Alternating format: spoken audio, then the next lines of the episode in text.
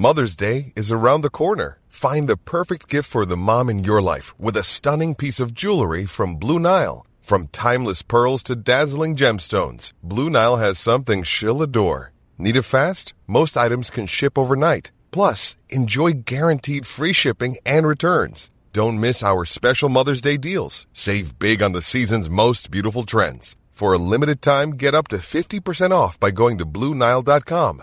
That's BlueNile.com. Planning for your next trip? Elevate your travel style with Quince. Quince has all the jet setting essentials you'll want for your next getaway, like European linen, premium luggage options, buttery soft Italian leather bags, and so much more. And it's all priced at 50 to 80% less than similar brands. Plus, Quince only works with factories that use safe and ethical manufacturing practices. Pack your bags with high-quality essentials you'll be wearing for vacations to come with Quince. Go to quince.com slash trip for free shipping and 365-day returns. Hey there, it's Michelle Norris. I'm host of a podcast called Your Mama's Kitchen. When I travel, I'm usually looking for a way to find a taste of home when I'm not at home. And one of the things I love to do when I am at home is entertain. And Airbnb allows me to do that. When I was in California recently, I rented a house that had a great kitchen. And when we were sitting around the table, we're all thinking, we're in someone else's house. Someone could be in all of our homes as well. If you have a home, but you're not always at home, you have an Airbnb. Your home might be worth more than you think. Find out how much at airbnb.com/slash host.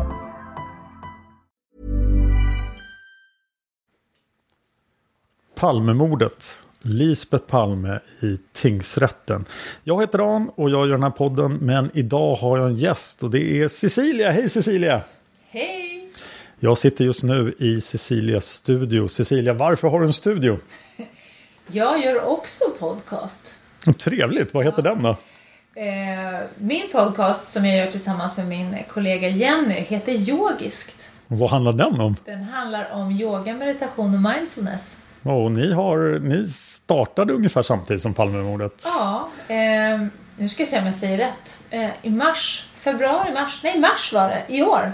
Ja, och varför ska den som är intresserad av yoga lyssna på yogiskt? Jag tror att man kan få till sig bra och intressanta aspekter på sig själv, sitt liv och eh, kanske en skönare livsstil. Ja, den uppmärksamma känner säkert igen Cecilia från Grand 3. Där hon gjorde konstnären Birgitta W. Men nu har Cecilia fått en stor roll här i Palmemordet. Idag ska hon göra Lisbeth Palme i tingsrätten.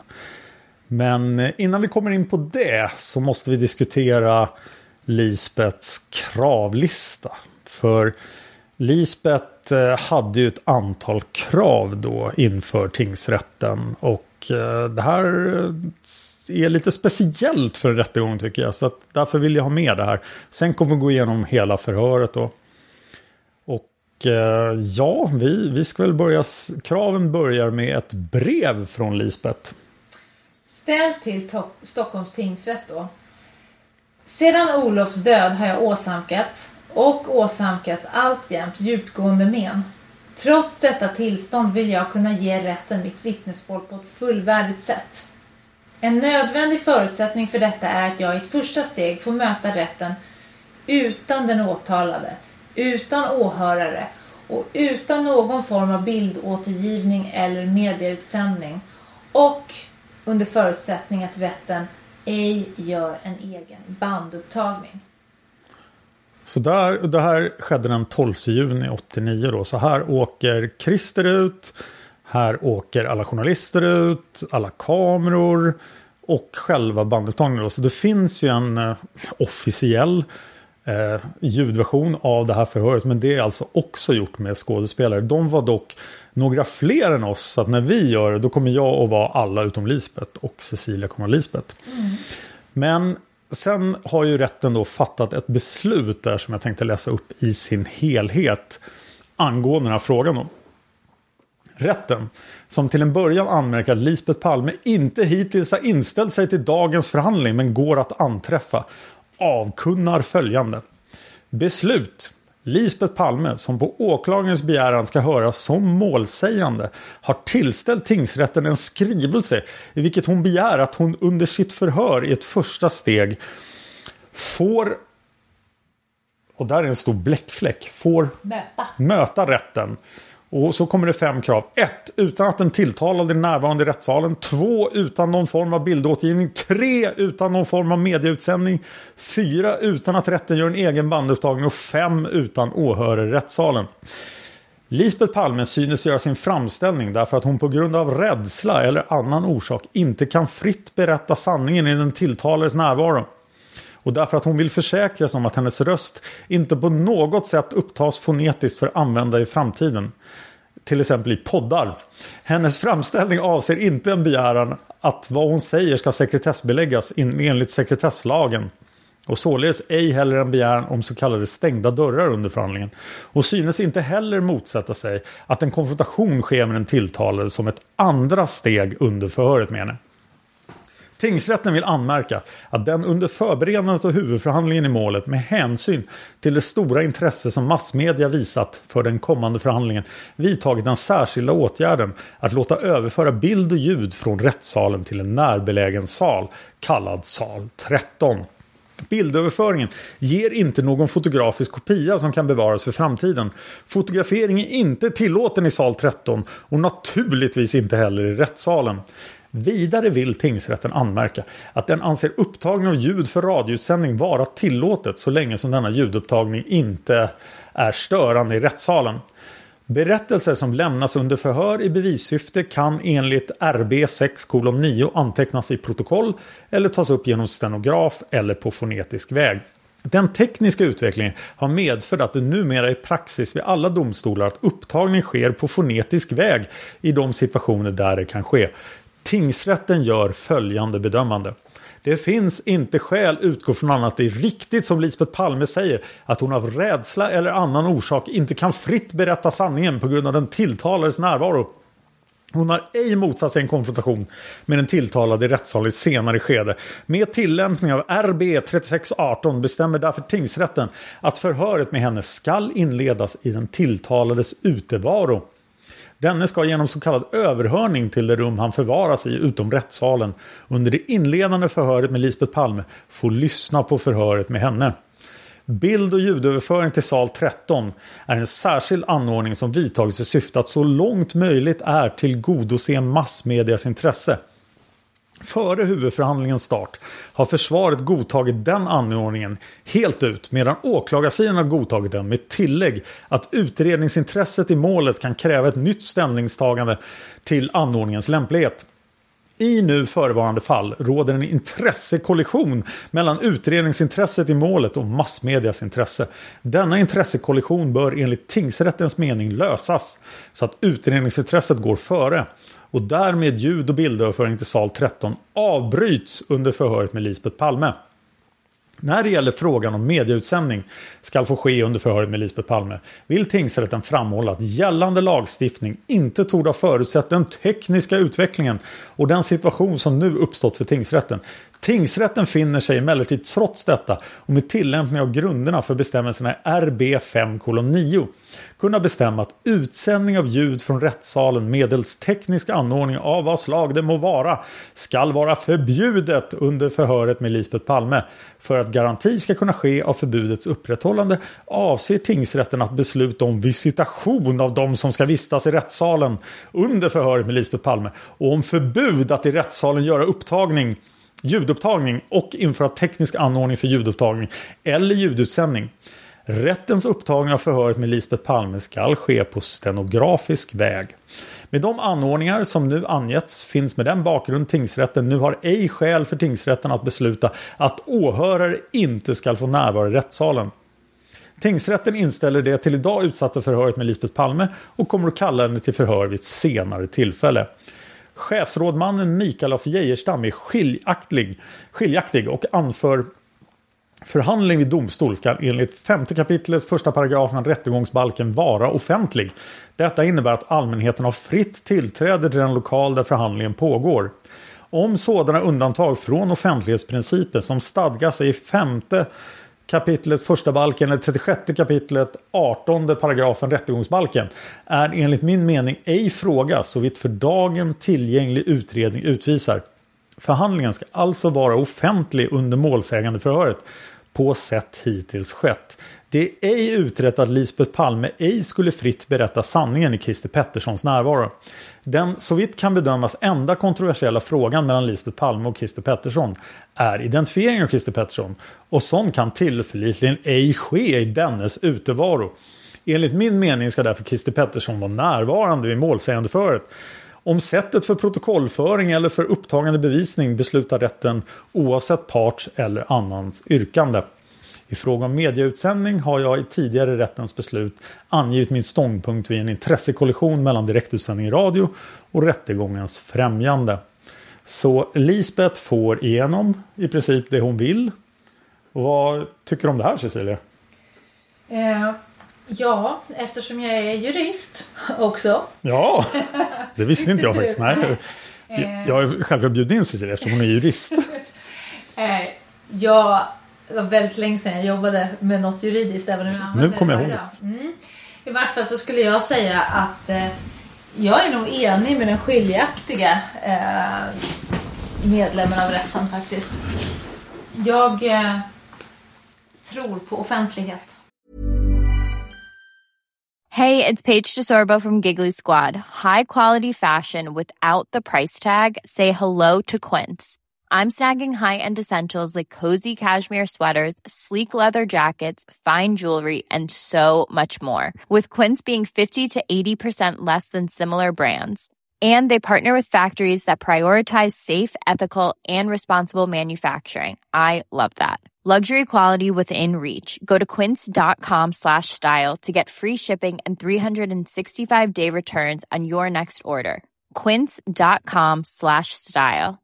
If you thought the only way to get a more defined jawline with natural looking results was through surgery, think again. Juvederm Volux XC is a non surgical injectable gel filler that improves moderate to severe loss of jawline definition and can help you achieve natural looking results with little downtime. Even better, this improved definition lasts up to one year with optimal treatment. No maintenance required. Improve jawline definition for a smooth, sculpted look with Juvederm Volux XC. For important safety information and to find a licensed specialist, visit juvederm.com. That's J U V E D E R M.com. Not for people with severe allergic reactions, allergies to lidocaine, or the proteins used in Juvederm. Common side effects include injection site redness, swelling, pain, tenderness, firmness, lumps, bumps, bruising, discoloration, or itching. There's a risk of unintentional injection into a blood vessel, which can cause vision abnormalities, blindness, stroke, temporary scabs, or scarring. Talk to a licensed specialist to find out if it's right for you.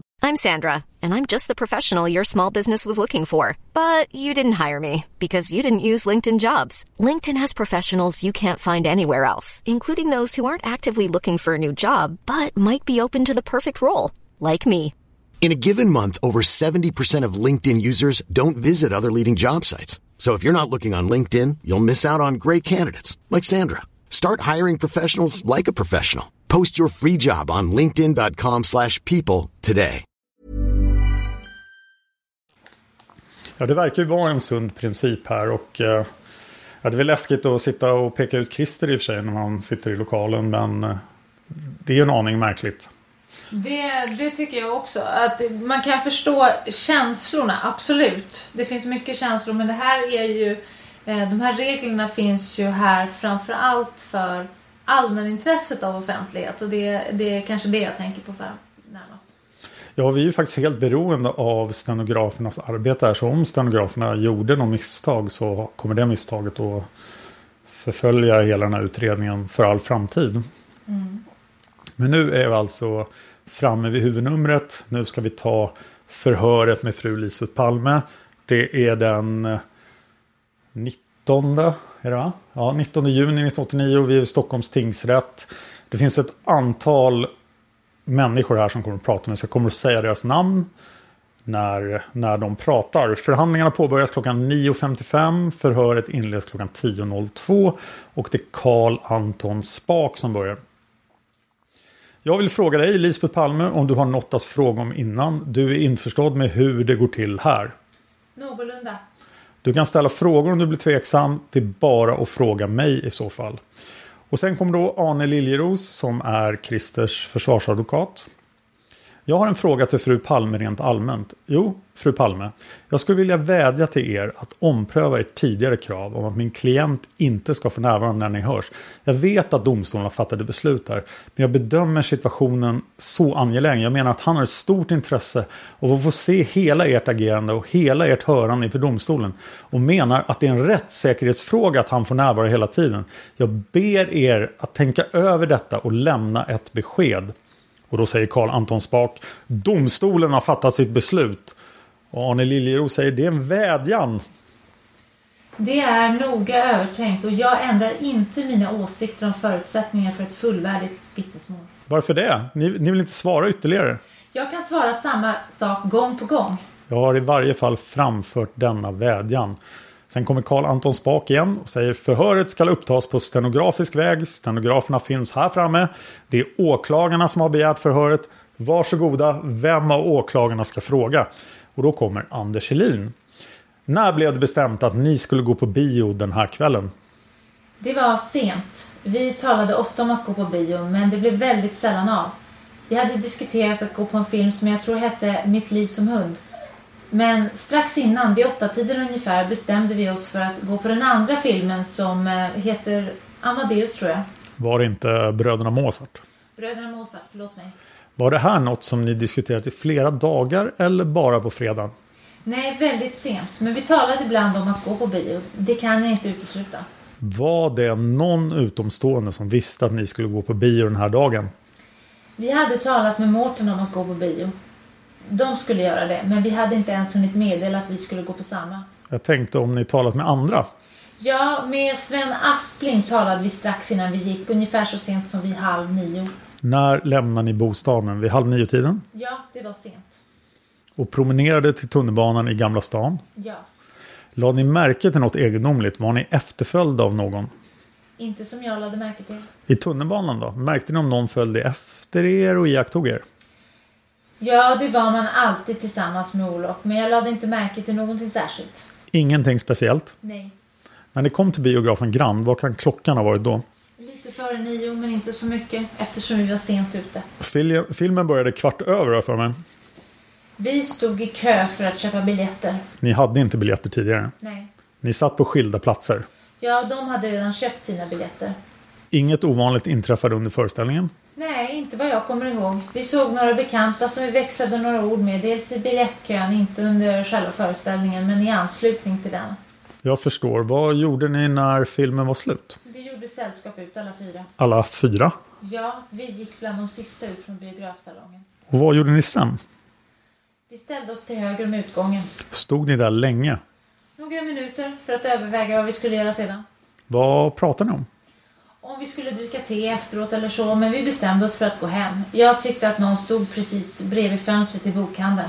Strax söder om entrén till Grand finns en bokhandel och en möbelaffär. Där skulle en person ha uppehållit sig menar du?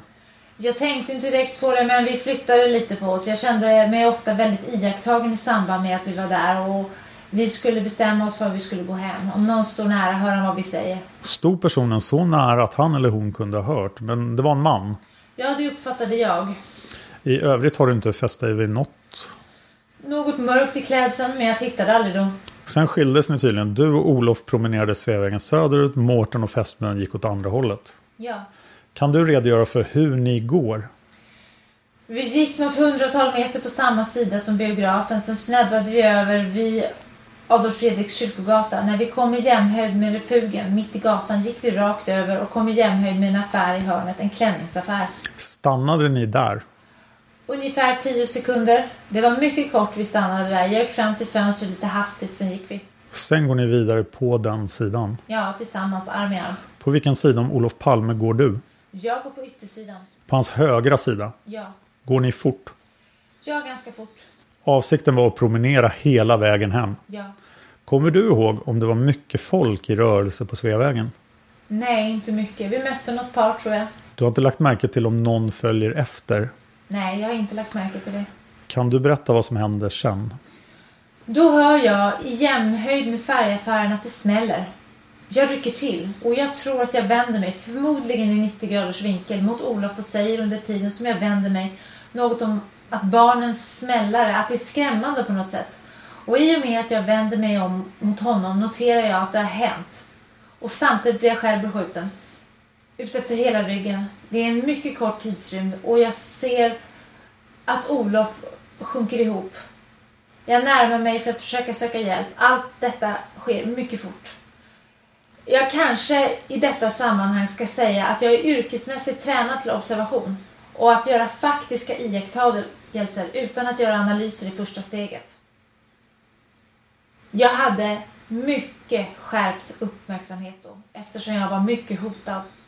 Jag visste inte själv hur skadad jag var eftersom Olof sjunker ner och jag själv är skjuten. Vad ser du? Då ser jag en person som står under hörnet och stirrar mot mig och Olof. Hur långt ifrån är han tror du? Det går att mäta upp. Jag trodde först att det var längre än det egentligen är. Jag måste ha varit väldigt nära, kanske fem meter bara. Men det är närmare. Kan du beskriva den personen? Ungefär 180 centimeter lång har jag trott med uppdragna axlar och mörk jacka som jag uppfattade som mörkblå, marinblå, som går skulle jag tro, tre decimeter nedanför midjan. Jag uppfattade mörka byxor som jag inte uppfattade som jeans. Men det kan jag inte säkert säga. Ansiktet hade påfallande ljushet under näsan. Det var rektangulärt och med markerade kindsidor. Munnen gav ett rakt intryck. Det fanns nästan en vikning under den ljusa ytan under näsan, liksom framskjutet käkparti. Eller kanske snarare haka. Blicken var mycket stillande. Den såg inte mörk ut egentligen utan ljus som jag uppfattade det. Ljuset följer på något sätt på den här platsen med, med skuggningar. Jag gjorde den bedömningen då att jag hade ingen hjälp att hämta. Jag uppfattade att skotten kom från längre håll men jag har förstått att det inte var så tekniskt. Men jag gjorde omedelbart bedömningen att jag inte kunde få hjälp av personen. Då vände jag mig snett bakåt och där kom en person som såg spänsligare ut och han, det var en man. Han vred sakta på huvudet när han förstod att jag sökte hjälp. Som han avvisade den hjälpen. Sen såg jag inte honom mer. Kommer du ihåg mer om den personen? Klädsel eller så? Det är nästan ett orangeaktigt ljus där som gör att färger är svåra att uppfatta. Men något ljusare och midjelång jacka. Jag vet inte. Jag såg egentligen inte ansiktet tydligt men han gav ett spänsligare intryck. Sen då?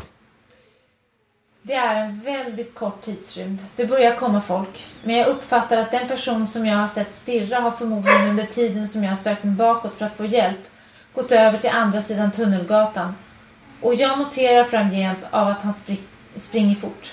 Jag tror att jag uppfattar ungefär två steg. Jag lägger märke till uppdragna axlar i en studsande gång på något sätt. Det är, tror jag, bara två steg som jag uppfattar. Jag försöker fortfarande få hjälp och det kommer människor. Och det kommer så småningom också polis och ambulans. Men jag ser vid ett tredje tillfälle att det står någon vid baracken. Som fanns mitt i Tunnelgatan på den vänstra sidan av baracken med ryggen mot baracken. I hörnet liksom står, som jag uppfattar, samma person stirrar tillbaka. Vid det tredje tillfället uppfattar jag att det är samma person. Jag har inte uppfattat något mer av det. Och då kommer advokat Liljeros och säger jag uppfattar inte det sista. Att jag inte hade uppfattat något mer av det. Och då fortsätter Anders Lin, åklagaren. Du har intryck av att det är samma mörkklädda person som du har sett i de tre olika skenorna. Vid två tillfällen i varje fall eftersom det inte var nästan några där som kom bakifrån. Det är mycket kort tidsrymd. Min uppmärksamhet är oerhört skärpt. Jag har en karta här. Jag tänker inte vända mig för att titta på kartan. Vi kanske får ställa kartan framför dig. Jag tycker att det pratas bakom mig. Jag vet inte om det stör mig. Då griper Karl Anton Spak in här och säger En polisman kontrollerar en sakfråga. Jag får vädja till åhörarna att inte röra sig så mycket i rättssalen. Eh, åklagaren får ordet igen och han säger Vi har Sveavägen markerad med lite grått och Tunnelgatan finns här. Här är färgfärgen Dekorima i hörnet. Du sa att första skedet när du ser den mörkklädda personen står han på ungefär fem meters avstånd. Det går ju att mäta upp. Om man vill ha det korrekt. Eh, vi tar det på ett ungefär. Är han närmare färgaffären än den andra sidan? Jag har retat ut det. Jag vill inte onödigtvis säga det som redan finns noterat. Domstolen har inte sett de handlingarna och vet inte vad som står där. Men om jag frågar så här. Är han närmare norra än den södra delen av Tunnelgatan? Det där med norr och söder tror jag nog att vi ska undvika. Jag har sagt att han står i hörnet vid Dekorima som jag uppfattar det. Sen går han tvärs över gatan. Mot den sidan? Nej, om du försöker göra som jag säger. Han står i hörnet. Markera hörnet på Dekorima. Där! Och så går han över gatan. Det steget ser inte jag. Men två steg därifrån in i gränden. Jag ser två steg, det är allt. Sen ser jag honom, om det nu är samma person, vilket jag upplever, vid den här baracken. Kan du peka på baracken längst där? Närmast Sveavägen på den vänstra sidan. Där! Eh, med ryggen emot. Och då tar Anders Kjellin bort kartan och fortsätter. En fråga till om den här personen som du har sett. Har du någon minne av om man har huvudbonad eller inte? Nej, jag har inget minne av det. Det ger ett sandretfärgat intryck. Har du sett om han har något i händerna? Nej. Sen skulle jag vilja hoppa framåt i tiden till den 14 december förra året. Det visades en video med 12 personer. Kan du redogöra för hur det gick till när ni fick se den här videon? Det var en så kallad videokonfrontation. Var vi två åklagare deltog. Och då, eftersom jag är yrkesmässigt väl medveten om vad det innebär att göra en sån här konfrontation. Och det vid de tidigare tillfällena hade gjorts på ett sätt som ur perceptionspsykologisk synvinkel inte är godtagbart. Och jag visste i den situationen inte hur många konfrontationer som jag skulle behöva gå igenom. Därför var det väldigt viktigt. Karl Anton Spak säger ett ögonblick fru Palme. Strömberg meddelar att det från och med nu är förbjudet att gå ut eller in i rättssalen under återstående delen av förhöret. Varsågod och fortsätt.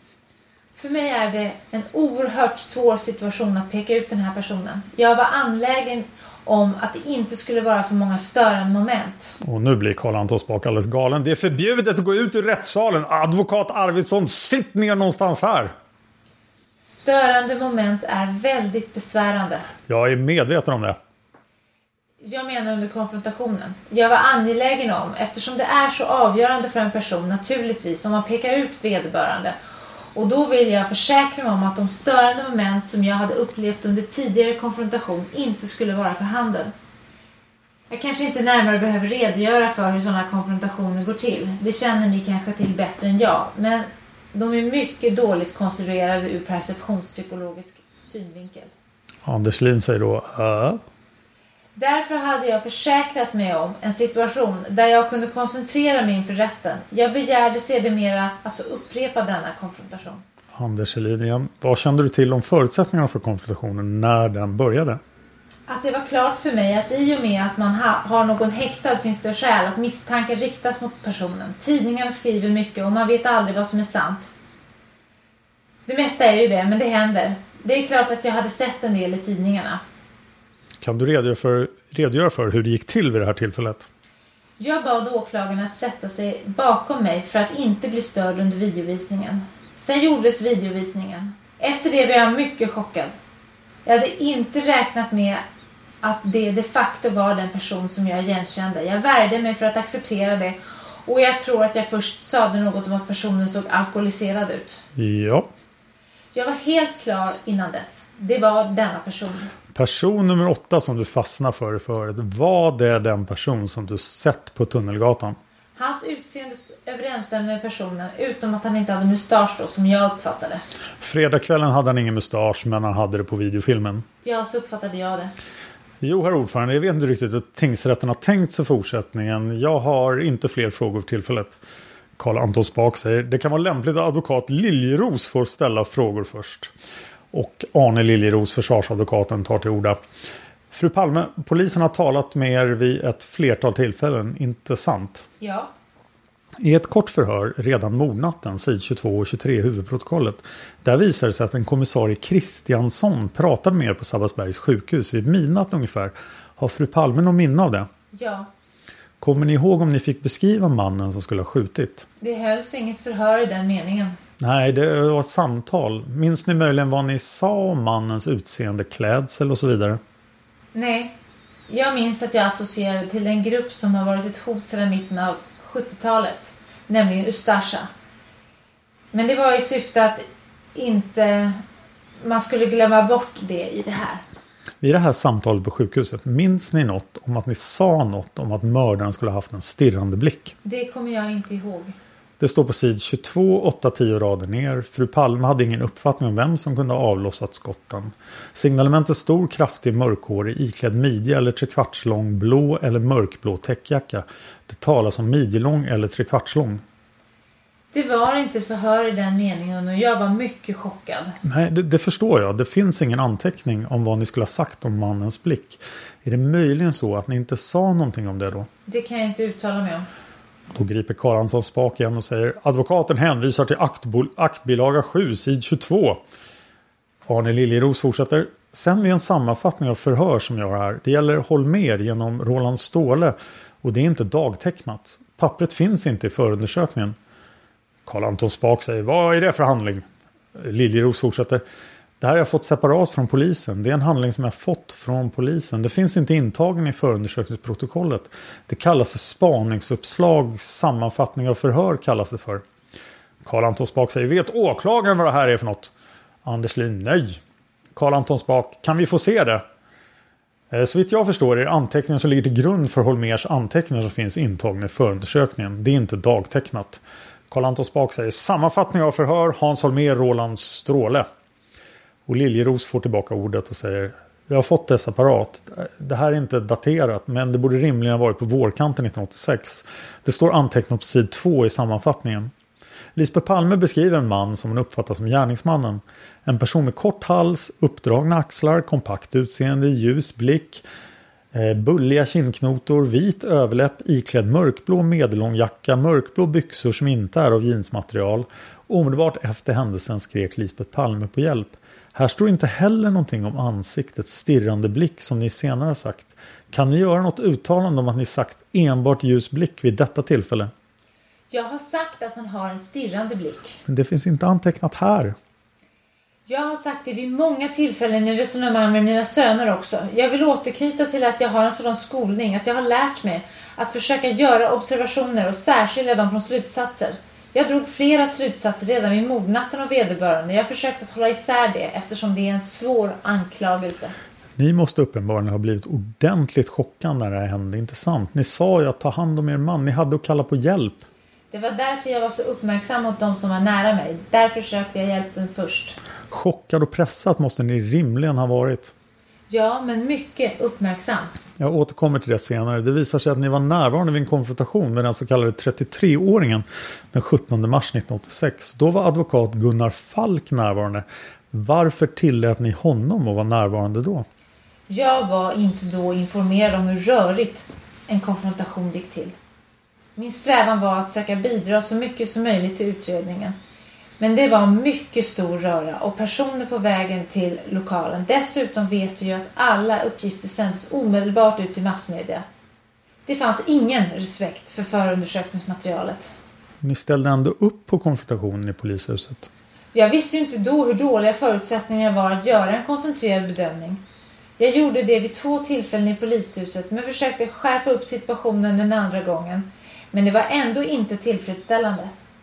Med tanke på att jag inte visste hur många konfrontationer jag måste genomgå såg jag det som omöjligt att medverka i den typen av röriga konfrontationer. I vilket avseende var det rörigt? Först ska man komma till konfrontationslokalen vilket innebär att man går förbi ett antal rum där det rör sig personer ut och in och fram och tillbaka. Sen kommer man in i olika korridorer med olika personer. Sen kommer man till ett rum där man inte vet vilka personer som är. Där dyker upp försvarsadvokat, förhörsledare, mikrofoner och annat. Det är mycket besvärande när man ska försöka koncentrera sig på en sån svår uppgift som är så avgörande för en människa som att identifiera en mördare. Närvarande var en polisman, advokat och kanske åklagare. Är det så störande? Jag behöver kanske inte upprepa vad jag sa. Jag redogör för en situation som jag upplevt som rörig och störande ur min synpunkt. Mm, det finns ett förhör den 1 mars 1986, sid 24 i huvudprotokollet. Ni uppsöktes i bostaden av kriminalkommissarie Reneborg och Sjöblom. Närvarande var statssekreterare Ulf Dahlsten och sonen Mårten Palme. Kommer ni ihåg detta, fru Palme? Ja. Hur var det? Tillät ni bandspelare vid det tillfället? Nej. Vill ni utveckla varför? Det har redan utvecklats. Jag ber er vara vänlig och göra det en gång till. Allt material har läckt hittills till massmedia och används på ett integritetskränkande sätt. Jag var klar över att en bandinspelning skulle utnyttjas på det sättet. Insåg ni inte att det var en utomordentligt allvarlig utredning som polisen gjorde? Just det. Borde man inte då följa de regler som var för handen? Det är inget som är stadfäst. Det måste ha varit rättegångar före bandspelarnas tid. Det är praxis. Praxis, men ingen nödvändig förutsättning. Ni vill inte gå med på det i varje fall. Precis. Sonen Mårten var närvarande. Utgår ifrån att ni har diskuterat händelsen. Ja, men vi undvek att jämföra vår vittnesbild. Vid det här tillfället talade ni om smällar. Trodde ni att det var smällare som barn använder sig av? Jag förstod inte. Jag vet inte hur sånt låter. Nej, minns ni när, vad ni vid det tillfället sa om på vilket sätt ni hade sett mannen som ni beskrivit? Vilket läge ni såg honom? Jag förstår inte. Kommer ni ihåg om ni vid samtal den 1 mars 1986 berättade på vilket sätt ni sett mannen? Bakifrån, framifrån eller från sidan? Jag tror inte att jag gjorde någon närmare beskrivning av personen vid det första förhöret. Jag fick inte heller förtroende för de som var där. Jaha, varför det då? Frågorna ställdes inte så att jag kände... Jag var ju mycket ansträngd då. Det förstår jag, men mitt på sid 25 står det snett bakifrån såg, hur en man sprang, såg hon hur en man sprang in på Tunnelgatan, stannade en bit in varefter han fortsatte snett bakifrån. Det var de här två stegen som jag har redovisat på kartan. Det är de två stegen. Jag vill markera att det var ett påfallande sätt att springa på. Någon slags studs eller rullning som om tyngdpunkten inte riktigt låg jämnt. Fick ni se den så kallade fantombilden omkring den 6 mars? I tidningarna? Ja, överhuvudtaget. Ja, i tidningarna. Diskuterar ni med Mårten? Ja, vi har diskuterat mycket. Fann ni någon likhet med fantombilden och personen på brottsplatsen? Jag sa hela tiden att den jag har sett ser äldre ut och att man kan se äldre ut på grund av missbruk. Därför kan jag ha felbedömt åldern på tio år när. Sen sa jag att personen också hade ett bredare ansikte än fantombilden som gav både ett yngre och smalare intryck. Det finns ett telefonsamtal med er den 8 mars 1986. Det är sid 27 i huvudprotokollet. Där står det Fru Palme önskar, efter att ha sett det publicerade fotot på den misstänkte mördaren, komplettera sin tidigare utsaga något. Hon har även diskuterat saken med sonen Mårten Palme. Här förefaller det som att ni har talat med varandra, ni och Mårten, om mannens utseende. Nej, fantombildens utseende. Jag har jämfört mitt vittnesspår, han med sitt. Hon uppfattade det som om mannen på Tunnelgatan hade något rundare ansikte. Dragen i övrigt, mun och näsa uppfattar hon som raka.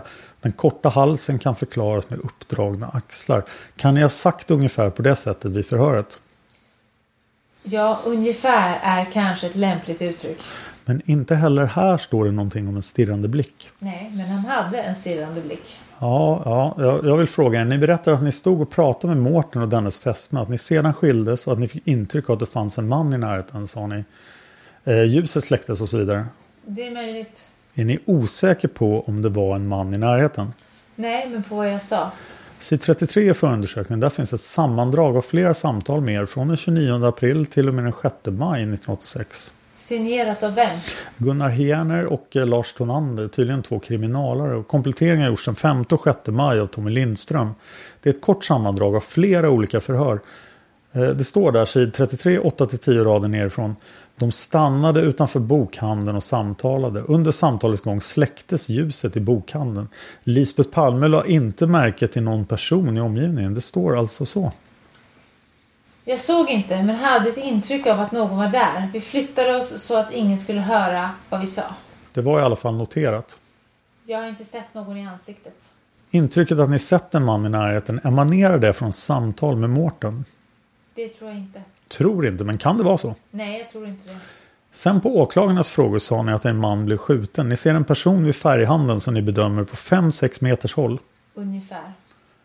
Kommer ni ihåg om ni har lämnat andra avståndsuppgifter? Ja, jag trodde att det var längre avstånd i början än det rimligtvis kan ha varit.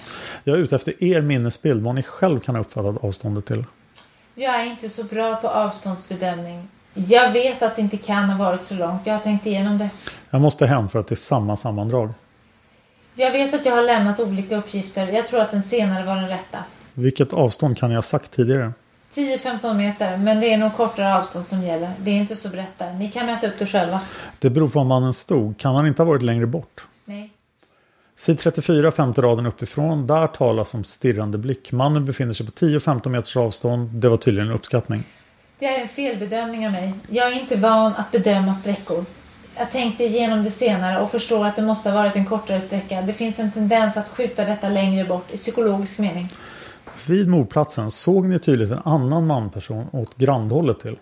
Ja, fast på samma sida som vi. På vilket avstånd? Säkert tre gånger längre än den andra personen. Kanske 20 meter?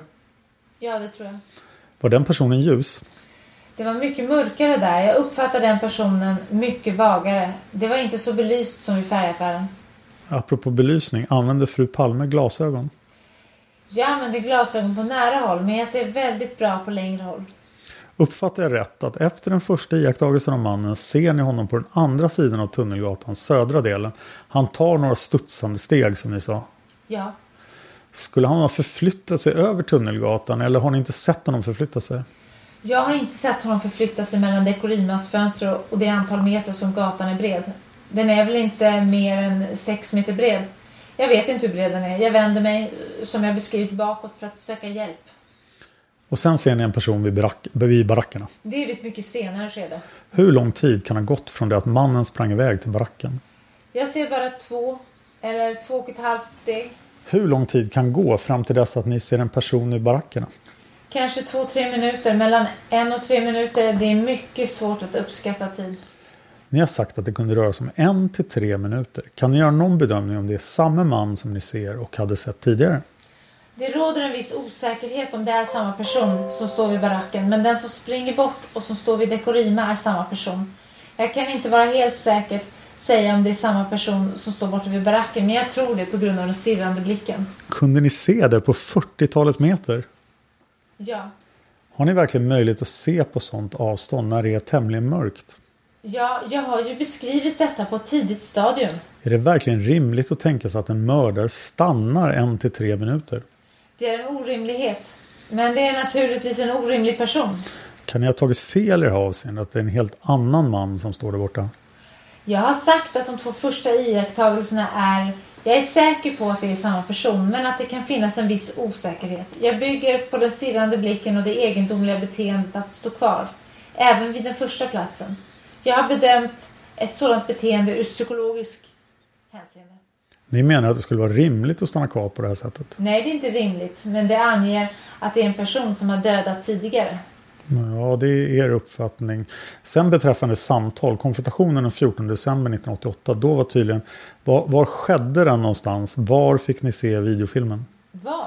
Var var ni någonstans? Ja, vad heter lokalerna? Åklagarämbetet. Riksåklagarämbetet möjligen. Varför skulle konfrontationen äga rum just där? Det skulle skapas förutsättningar som var utan störande inslag eftersom jag bedömde det som så viktigt att inte ange fel person.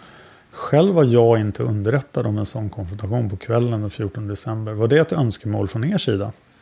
Jag blev tillfrågad och sa att jag ville ha så liten krets som det var möjligt. Var föregick förevisningen av filmen? Vill ni berätta det en gång till? Ingenting. Det sades väl någonting? Att det skulle göras en videokonfrontation med anledning av att det var en person häktad. Att det var en person frihetsberövad. Ni tillät tydligen inte bandinspelning vid det tillfället heller. Nej. Vill ni svara varför? På samma grunder som förut. Gå tillbaks till protokollet. Jag har redan redovisat det. Det är en kontrollfråga från min sida. Det är ett kontrollsvar från min sida. Det står en anteckning på sid 35. Ni får först se hela videofilmen. Kommer ni ihåg vilken kommentar ni gjorde först? Jag sa någonting om att nummer åtta såg alkoholiserad ut. Tyckte ni att personen skilde sig från övriga? Jag såg omedelbart att det var vederbörande som jag sett. Han skilde sig så att jag kände igen honom. Men ni sa att man kunde se vilken som var alkoholist. Ja, det såg jag också. Sen gjorde ni några uttalanden om andra figuranterna som var närvarande i konfrontationsgruppen. Gjorde ni några uttalanden om några andra personer i gruppen? Jag kommer inte ihåg det. Det står en anteckning om att nummer 9 och 11 har drag som passar hennes beskrivning. Men inte som 8, har inte heller 8s ruskiga utseende. Men det måste betyda att ni har stannat upp för nummer 9 och 11 också. Det finns alltid drag hos olika människor, men det var nummer 8 som överensstämde. Kommer ni ihåg om ni fick se sekvensen med nummer 8 en gång till? Jag begärde att få se sekvensen senare vid ytterligare ett konfrontationstillfälle. Jag uppehåller mig vid den 14 december första gången.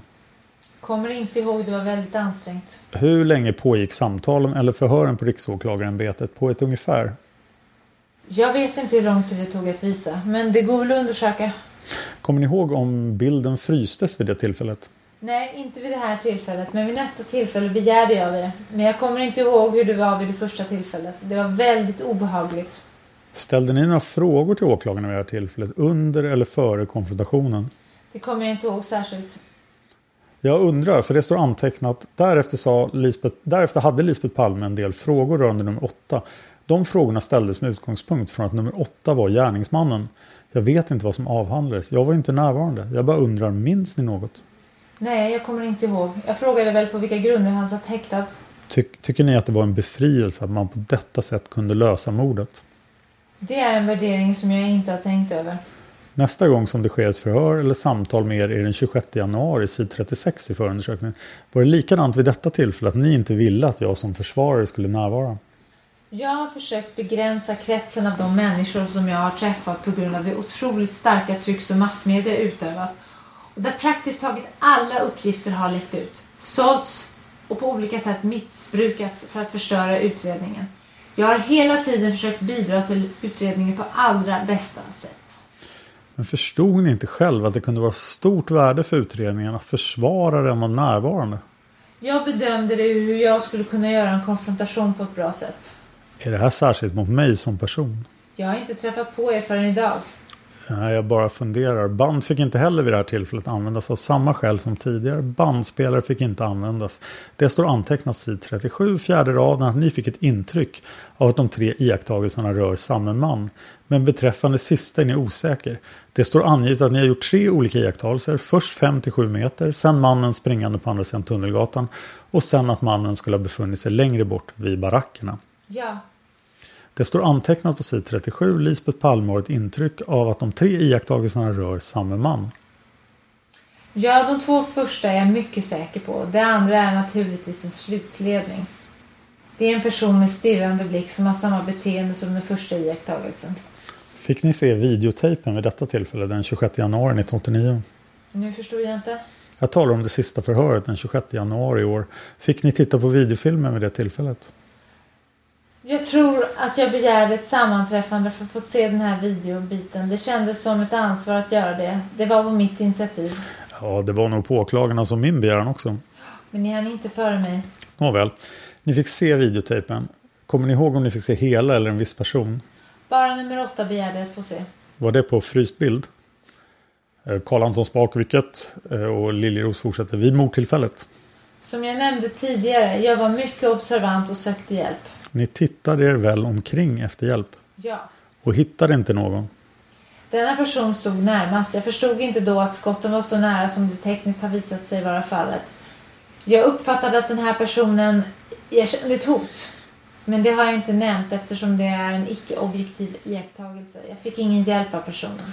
Ni måste väl ha böjt er? Det var ju en man som blivit skjuten. Händelseförloppet jag skildrar rör sig om kanske mindre än en minut. Jag undrar, ni måste helt enkelt ha haft uppmärksamheten riktad mot er man åtskilligt under den här tiden. Det är väl klart? Ja. Ja, fru Palme, ni har redan talat om ansvar. Ni måste besinna ert ansvar väldigt mycket. Min klient är åtalad för ett mycket, mycket allvarligt brott som han förnekar. Om det finns någon tveksamhet beträffande identifieringen måste ni medge det. Självklart. Finns det en viss grad av osäkerhet? Nej. Ett uns, jag återkommer igen, det är tre år sedan det skedde. Menar ni att ni har gått och burit på minnesbilden under tre år? Självklart. Då ingriper Karl Anton Spak. Syftar advokaten på konfrontationsfilmen? Och Liljeros svarar ja. Det är vad jag också talar om. Och där tas en paus i förhandlingarna mellan 11 och 12 och 11 och 50 och sen fortsätter de igen med Karl Anton Spak. Advokat Liljeros ville ställa ytterligare frågor. Och sen Liljeros. När ni och er man gick på östra sidan av Sveavägen, ni tittade i en affär, ni gick ut efter Skandiahuset mot Kungsgatan. Mötte ni några människor? Jag vet inte. Möjligtvis något par. Men jag är inte säker. Jag tror inte på den sträckan. Jag vet inte. Ni lade inte märke till någon människa som förföljde er, något mystiskt? Nej. När ni kom fram hörde ni en smäll, er man sjönk ihop. Jag uppfattar inte, hörde ni flera smällar? Det är möjligt att det ekade. Ni är osäkra på om ni hörde två. Jag blev ju skjuten också. Men jag undrar om ni hörde två smällar? Det ekade. Om det var två smällar kan jag inte avgöra. Det ekade mellan gatorna. Gick ni på höger sida om er man? Jag har gått igenom detta alldeles nyss. Jag ställer frågan ändå. Gick ni till höger om er man? Det är riktigt. Jag har alldeles nyligen redogjort för detta. Men det är riktigt att ni gick på höger sida. I samband med första skottet höll ni varandra under armen, ni och Olof. Sjönk ni ihop? Segnade ni ner tappa steget? Jag menar om fru Palme själv. Jag har redogjort nyss. Jag måste fråga igen. Det är samma förhållande. Sjönk ni själv fru Palme ner? Inte omedelbart. Det är fråga om en tidsrymd. Mycket kort tid. Jag frågar, för ni tycks ha sagt sid 34 överst. I jämnhöjd med Tunnelgatan hörde hon en dov knall med ekoeffekt. Hon märkte att Olof Palme tappade steget och föll ihop. Hon själv som var på väg framåt drogs med neråt. Detta var då en tidsrymd då jag också blev skjuten under den tidsrymden. Är det riktigt att ni, fru Palme, drogs ner mot marken? Ja, efter det att jag också blivit beskjuten själv också. Den första iakttagelsen, ni ser en man på 5-6 meters håll. Ser ni detta efter att själv ha blivit skjuten? Ja. Kände ni smärta när ni blev beskjuten? Ja, jag blev ju själv beskjuten. Jag undrar om det gjorde ont, om ni blev distraherade av smärtan. Det var inte så djupgående att jag inte kunde försöka söka hjälp. Men gjorde det ont? Inte så. Ni säger att ni ser mannen några steg. Han lufsar iväg på något sätt. Kan ni ännu en gång beskriva mannens sätt att gå, röra sig eller springa? Några steg säger ni. Vi ser honom snett bakifrån. Det är något studsigt i gången som jag lägger märke till vid samma tillfälle. 8-10 rader uppifrån då hon senare såg mannen röra sig gjorde han ett spänstigt, vältränat intryck. Det var en studsning i de två stegen som gav ett spänstigt intryck. Det studsade till. Ni sa att det var något rullande i hans gång, men rullande är väl någonting helt annat än ett spänstigt och vältränat intryck. Det beror på hur man tolkar det. Den andra mannen ni såg var en person som hade en orangefärgad jacka eller liknande som befinner sig längre bort. Orangefärg har jag inget minne av att jag har sagt. Det har jag noterat. Vilken färg på ytterplagget? Vi har talat om det. Ljusare, midjelång, men längre bort och mörkare och jag är inte säker på det. Kan ha varit ljusare karaktär.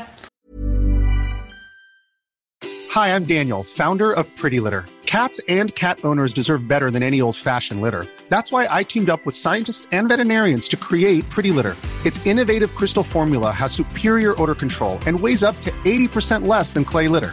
Pretty Litter even monitors health by changing colors to help detect early signs of potential illness. It's the world's smartest kitty litter. Go to prettylitter.com and use code ACAST for 20% off your first order and a free cat toy. Terms and conditions apply. See site for details. Flexibility is great. That's why there's yoga. Flexibility for your insurance coverage is great too. That's why there's United Healthcare Insurance Plans. Underwritten by Golden Rule Insurance Company, United Healthcare Insurance Plans offer flexible, budget friendly coverage for medical, vision, dental, and more. One of these plans may be right for you if you're, say, between jobs, coming off your parents' plan, turning a side hustle into a full hustle, or even missed open enrollment. Want more flexibility? Find out more about United Healthcare Insurance Plans at uh1.com. Planning for your next trip? Elevate your travel style with Quince. Quince has all the jet setting essentials you'll want for your next getaway, like European linen, premium luggage options, buttery soft Italian leather bags, and so much more. And is all priced at 50 to 80% less than similar brands.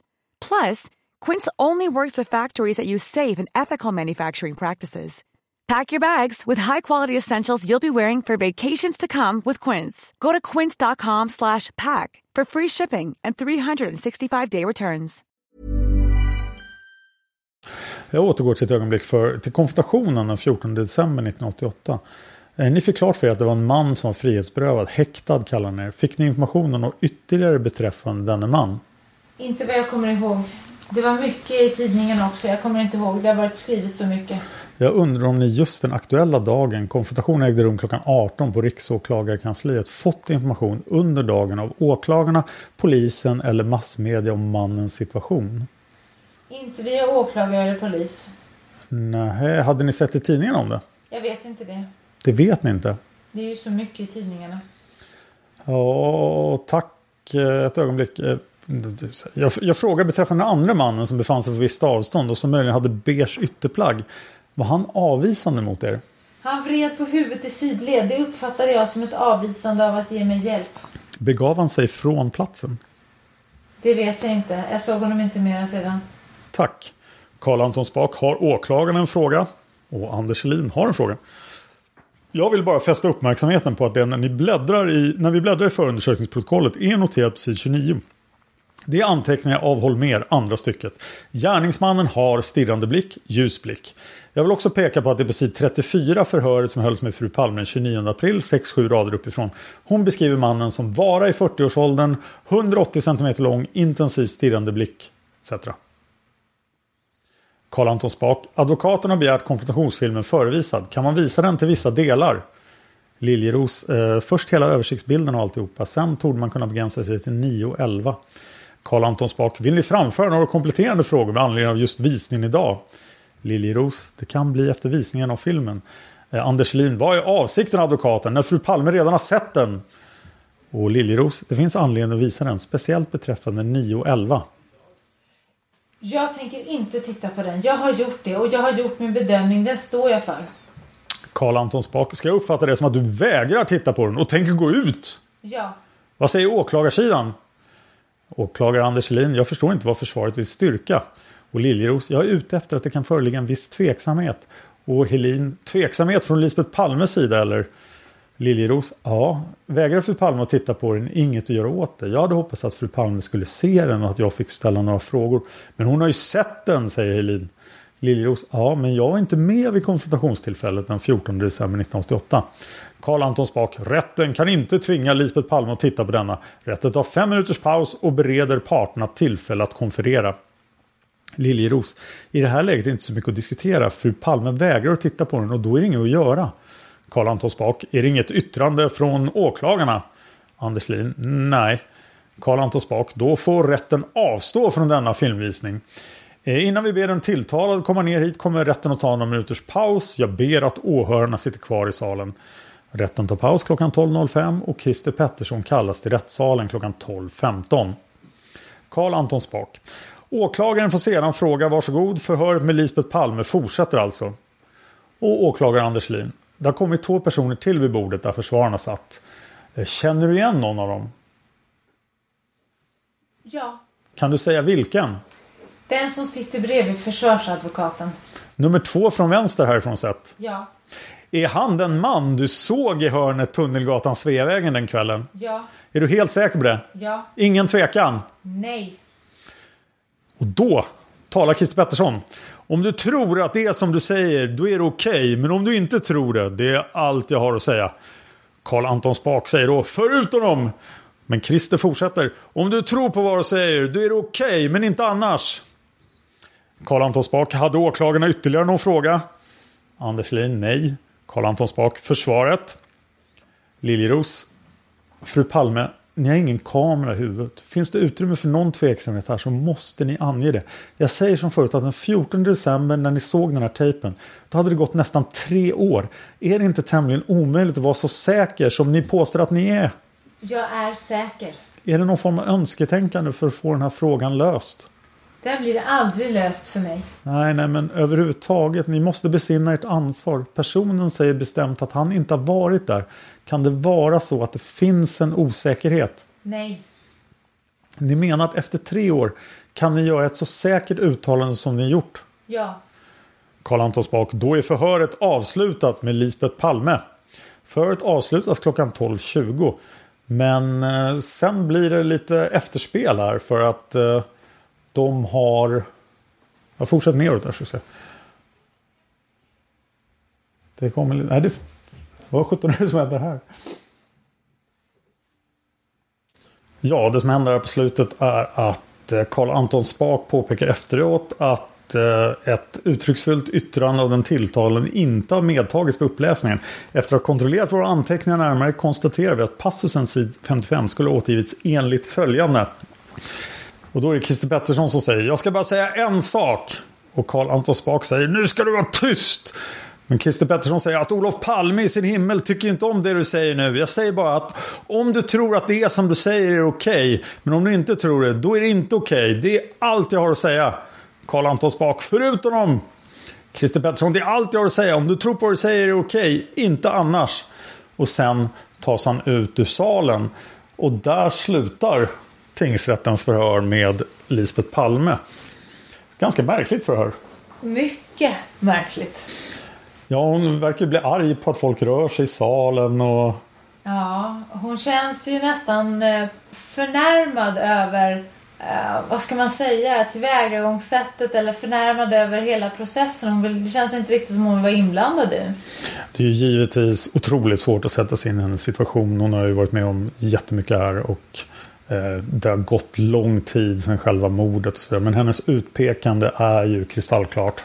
Det är kristallklart. Och, och utan att säga någonting om det. Alltså det är ju svårt att föreställa sig chocken, tragedin och livskrisen som uppstår när ens man blir skjuten när man mer eller mindre håller honom i armen på öppen gata. Jag tror att det är en, precis som du säger, trauma som, som ju måste påverka hennes förhållningssätt och, och hennes eh, inställning till, för hon blev ju också ganska jagad i media. Ja, hon har inte bara sorgen att ställa sig till, utan hon har ju de här två, ja, två år och tre månader, eller tre år och tre månader av, mm. av att vara förföljd av media och vara påpassad överallt och så. Och ett mediadrev, det är ju inte att förakta. Det kan ju få, bara det minsta lilla mediadrev kan ju få en människa att vackla i sina grundvalar. Så det är ju inte konstigt att hon är utsatt, eller upplever sig vara utsatt för tryck, för det är hon ju. Ja, det är hon onekligen.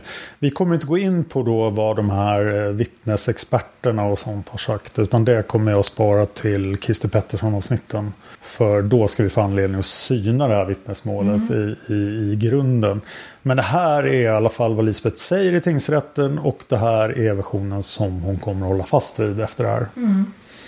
Och eh, där är vi nog klara för idag. Men det kommer att bli ett till Lisbeth-avsnitt kommer det att bli. Eh, ja, var kan folk hitta mer av dig då? Annat än podcasten?